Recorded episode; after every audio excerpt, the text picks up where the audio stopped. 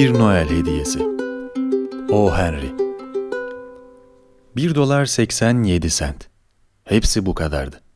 Üstelik 60 semti de birer peniden oluşuyordu. Bozukluklar birer ikişer biriktirilmişti. Bakkalla, manavla, kasapla kıran kırana çekişerek, kızarıp bozararak o gizli suçlamadan böylesine sıkı bir pazarlığın ancak pintiliğe işaret ettiği suçlamasından yanaklarına kan hücum ederek. Della parayı üç kez saydı. Bir dolar 87 sent. Ve yarın Noel'di. Yapabileceği hiçbir şey kalmamıştı. Küçük, eski püskü kanepeye çöküp höyküre höyküre ağlamaktan başka. Della da öyle yaptı. Bu da hayatın hıçkırıklardan, burun çekmelerden ve gülümsemelerden ibaret olduğu, ilk sırada da burun çekmelerin geldiği yolundaki savı kanıtlıyor. Evin hanımı yavaş yavaş birinci aşamadan ikinciye geçerken eve bir göz atalım.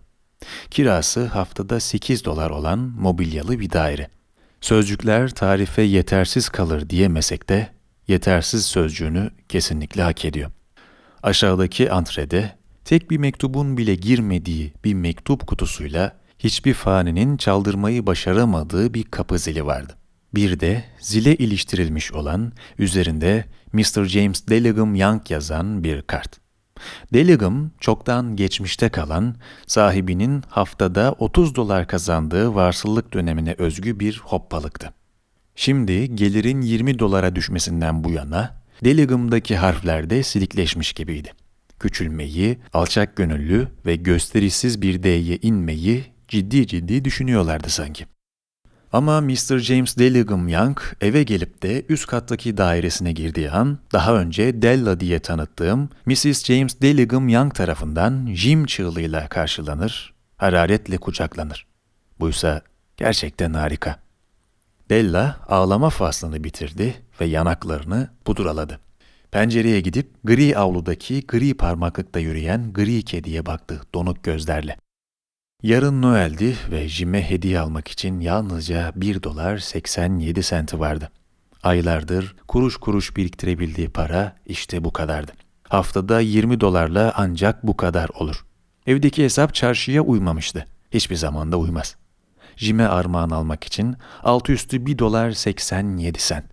Sevgili Jim'ine, Saatlerce ona hoş bir armağan alma hayalleri kurarken nasıl da mutlu olmuştu. Seçkin, nadide, değerli bir şey. Jim'e ait olma onurunu taşıyabilecek bir şey. Odadaki pencerelerin arasındaki duvarda bir ayna vardı. 8 dolarlık dairelerde bu duvar aynalarından görmüş olmalısınız. Bu ince, uzun dilimlerde ancak çok zayıf ve çevik biri yansısını hızlı sekanslar halinde gözlemleyip dış görünüşü hakkında gerçeğe yakın bir fikir edinebilir. Della zayıf olduğu için bu konuda ustalaşmıştı. Ansızın pencereye arkasını döndü. Aynanın karşısına geçti. Gözleri ışıl ışıl parlıyordu. Ama 20 saniye içinde yüzünde renk namına bir şey kalmamıştı. Çabucak saçlarını çözdü. Olanca gürlüğüyle salıverdi. Şimdi Young çiftinin sahip olmakla fena halde gururlandığı iki şey vardı. Biri Jim'in büyük babasından babasına, ondan da Jim'e kalan altın saatli. Diğeri de Della'nın saçları. Seba Melikesi, apartman boşluğunun karşısındaki dairede yaşıyor olsaydı, Della sırf saçlarını kurutmak için camdan sarkıtarak majestelerinin bütün mücevherlerini, armağanlarını gölgede bırakabilirdi. Aynı şekilde Kral Süleyman apartman görevlisi olsaydı da olanca hazinesini bodrum katına yığsaydı, Jim'in tam önünden geçerken cebindeki altın saati çıkarması adamın kıskançlıktan sakalını yolmasına yeterdi. İşte Della'nın güzelim saçları şimdi vücuduna dökülüyor, kahverengi bir çağlayan gibi dalgalanıyor, ışıldıyordu. Dizlerinin altına kadar inen saçlar neredeyse bir giysi gibi sarmaktaydı bedenini. Sonra saçlarını asabice aceleyle toplamaya koyuldu. Bir ara bir anlığına duraladı, hareketsiz kaldı ve yıpranmış kırmızı alıya bir iki damla gözyaşı serpti. Hemen sırtına eski kahverengi ceketini geçirdi. Başına da eprimiş kahverengi şapkasını. Eteklerini dalgalandırarak gözleri hala çakmak çakmak kapıdan fırladı, merdiveni inip sokağa çıktı. Bir tabelanın önüne gelince durdu. Madame Sofrani her çeşit saç malzemesi. Üst kata koşarcasına çıktı, durup soluklandı, nefes nefeseydi. İri yarı, akça pakça, soğuk madamın hiç de safrana benzer bir hali yoktu. Saçlarımı satın alır mısınız? Diye sordu Della. Saç alıyorum. Evet, dedim adam. Şapkanı çıkar da bir görelim. Kahverengi şelale dökülüverdi. Yirmi dolar dedim adam. Gür yığını deneyimli elleriyle kaldırırken. Tamam, hemen verin dedi Della. Ah, bundan sonraki iki saati kanatlanmışçasına geçirdi. Bayat benzetmeyi hoş görün. Jim'in hediyesi için dükkanların altını üstüne getirdi. Sonunda onu buldu. Hiç kuşku yok ki sadece bir tek Jim için yapılmıştı. Diğer dükkanlarda buna benzer hiçbir şey görmemişti. Üstelik köşe bucak aramış olmasına karşın. Tasarımı yalın ve sade, platin bir saat kösteği. Değerini cafcaflı süslemelerle değil, özüyle, salt varlığıyla ortaya koyan bir parça. Bütün iyi şeyler gibi. Tam da saate layık değerdi. Della onu görür görmez Jim'in olmalı dedi. Tıpkı Jim gibiydi. Sessiz ve değerli. Her ikisine de uyuyordu bu tanım. Zincir için 21 dolarını aldılar. Della elinde kalan 87 sentle yine uçarcasına evin yolunu tuttu.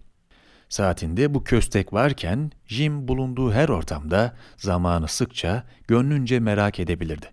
Böylesine muhteşem bir saate sahip olduğu halde zincir yerine kullandığı eski deri kayış yüzünden hep gizlice bakardı ona.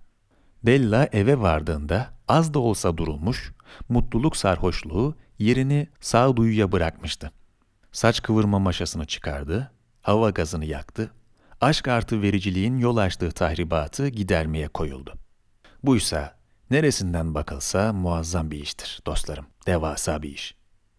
40 dakika sonra kafası onu harika bir biçimde okulu kırmış bir oğlan çocuğuna benzeten minik, sık buklelerle dolmuştu. Aynadaki aksini uzun uzun, dikkatle, eleştirel gözlerle süzdü. Jim beni görür görmez öldürmezse, dedi kendi kendine, Coney Island'lı koro kızlarına benzediğimi söyleyecektir. İyi ama ne yapabilirdim ki? Ah, 1 dolar 87 sentle ne yapabilirdim? Saat 7'de kahve hazır, kızartma tavası da ocağın üzerinde güzelce ısınmış pirzolaları beklemekteydi. Jim asla geç kalmazdı. Della kösteyi avuçlarının arasına aldı, masanın erkeğin gireceği kapıya yakın köşesine oturdu. Sonra alt kattan gelen ayak seslerini duydu, bembeyaz kesildi. En sıradan, en gündelik şeyler için bile bir iki dua mırıldanmak gibi bir alışkanlığı vardı. Hemen fısıldadı. Lütfen, Tanrım, beni hala güzel bulmasını sağla. Kapı açıldı, Jim içeri girdi, kapıyı kapadı. Zayıf ve çok ciddi görünüyordu. Zavallıcık henüz 22'sindeydi ve bir ailenin yükünü omuzlamıştı bile. Yeni bir paltoya ihtiyacı vardı, eldiveni de yoktu. Jim içeri girdi ve bıldırcın kokusu almış av köpeği gibi kala kaldı. Gözleri Della'ya çivilenmişti. Bu gözlerde Della'nın çözemediği ama onu fena halde ürküten bir anlam vardı. Öfke değildi bu. Ne şaşkınlık, ne kınama, ne dehşet, ne de kendini hazırladığı diğer duygulanımlardan herhangi biri. Erkek yüzündeki o tuhaf ifadeyle gözünü dikmiş öylece bakıyordu ona. Della iskemlesinden fırladı, onun yanına gitti. Jim, sevgilim, dedi ağlamaklı. Böyle bakma bana. Saçımı kestirip sattım. Çünkü sana bir armağan vermeden bu Noel'i atlatamazdım. Yeniden uzar nasılsa. Sence bir mahsur yok, değil mi? Mecburdum. Bilirsin saçlarım çok çabuk uzar. Haydi Jim, mutlu Noeller de bana. Haydi neşemizi kaçırmayalım. Sana ne kadar güzel, ne harika bir hediye aldığımı tahmin edemezsin. Saçını mı kestin? dedi Jim güçlükle. Zihnen harcadığı yoğun çabaya karşın bu bariz gerçeği hala bir türlü kavrayamaz gibi. Kestirip sattım, dedi Della. Beni böyle de beğenmiyor musun yani? Saçım olmasa da ben yine aynı ben değil miyim? Jim bakışlarını merakla odada gezdirdi. Saçının gittiğini söylüyorsun yani dedi neredeyse budalaca bir edayla. Aranmana gerek yok dedi Della. Dedim ya sattım, sattım gitti. Yarın Noel canım, kalbimi kırma. Çünkü senin için yaptım. Belki kafamdaki saç telleri sayılabilir, dedi ansızın ciddileşen bir tatlılıkla. Ama sana olan aşkımı asla, Hiç kimseler ölçemez. Pirzolaları ocağa koyayım mı Jim? Jim girdiği uyuşukluktan yine de çabuk çıktı sayılır. Gidip Dellas'ına sımsıkı sarıldı. Haydi biz de bir başka köşedeki gayet önemsiz bir nesneyi 10 saniye kadar dikkatle inceleyelim. Haftada 8 dolar ya da yılda 1 milyon. Ne farkı var ki?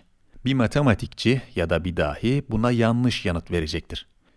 Müneccim krallar paha biçilmez armağanlar getirmişti ama bu onların arasında yoktu.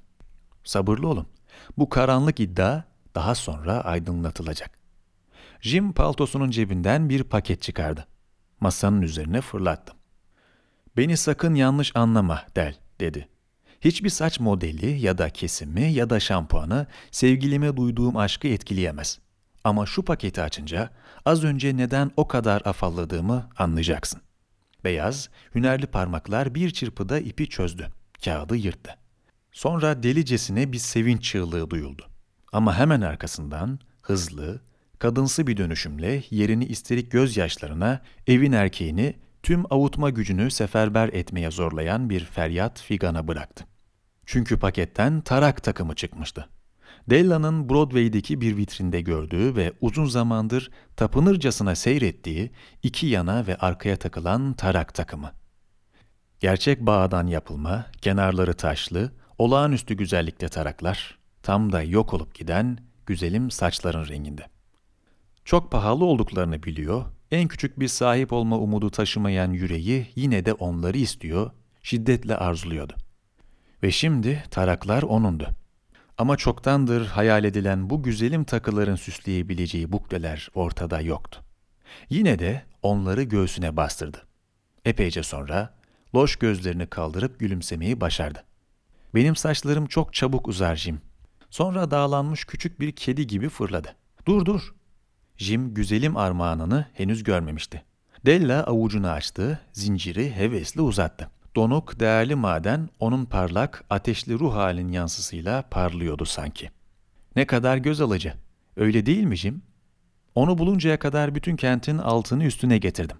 Artık günde yüz kere saate bakmak zorundasın. Ver saatini bana. Ucunda nasıl durduğunu görmek istiyorum. Jim onun dediğini yapmak yerine kendini kanepeye bıraktı, ellerini ensesinde kavuşturdu ve gülümsedi. Della, dedi. Haydi Noel hediyelerimizi kaldıralım. Bir süre saklayalım. O kadar güzeller ki hemen kullanmaya başlayıp eskitmeyeceğimize seviniyorum. Sana tarakları alabilmek için saatimi sattım. Eh, pirzolaları ateşe koyma vaktidir. Müneccim krallar bildiğiniz gibi ahırdaki bebek İsa'ya armağanlar getiren soylu hacılardı. Müthiş akıllı üç adam. Noel'de armağan verme sanatının mucidi onlardır. Son derece bilgi kişiler olduklarından armağanları da hiç kuşku yok ki akıllıca seçilmiş şeylerdi. Dahası aynısından bir tane daha gelebilir diyerek yanına değiştirme kartı da iliştirilmişti muhtemelen. Bense burada size küçük bir apartman dairesindeki iki akılsız gencin birbirleri uğruna ellerindeki en değerli hazineleri nasıl akılsızca gözden çıkardıklarının durgun öyküsünü anlatmaya çalıştım dilim döndüğünce.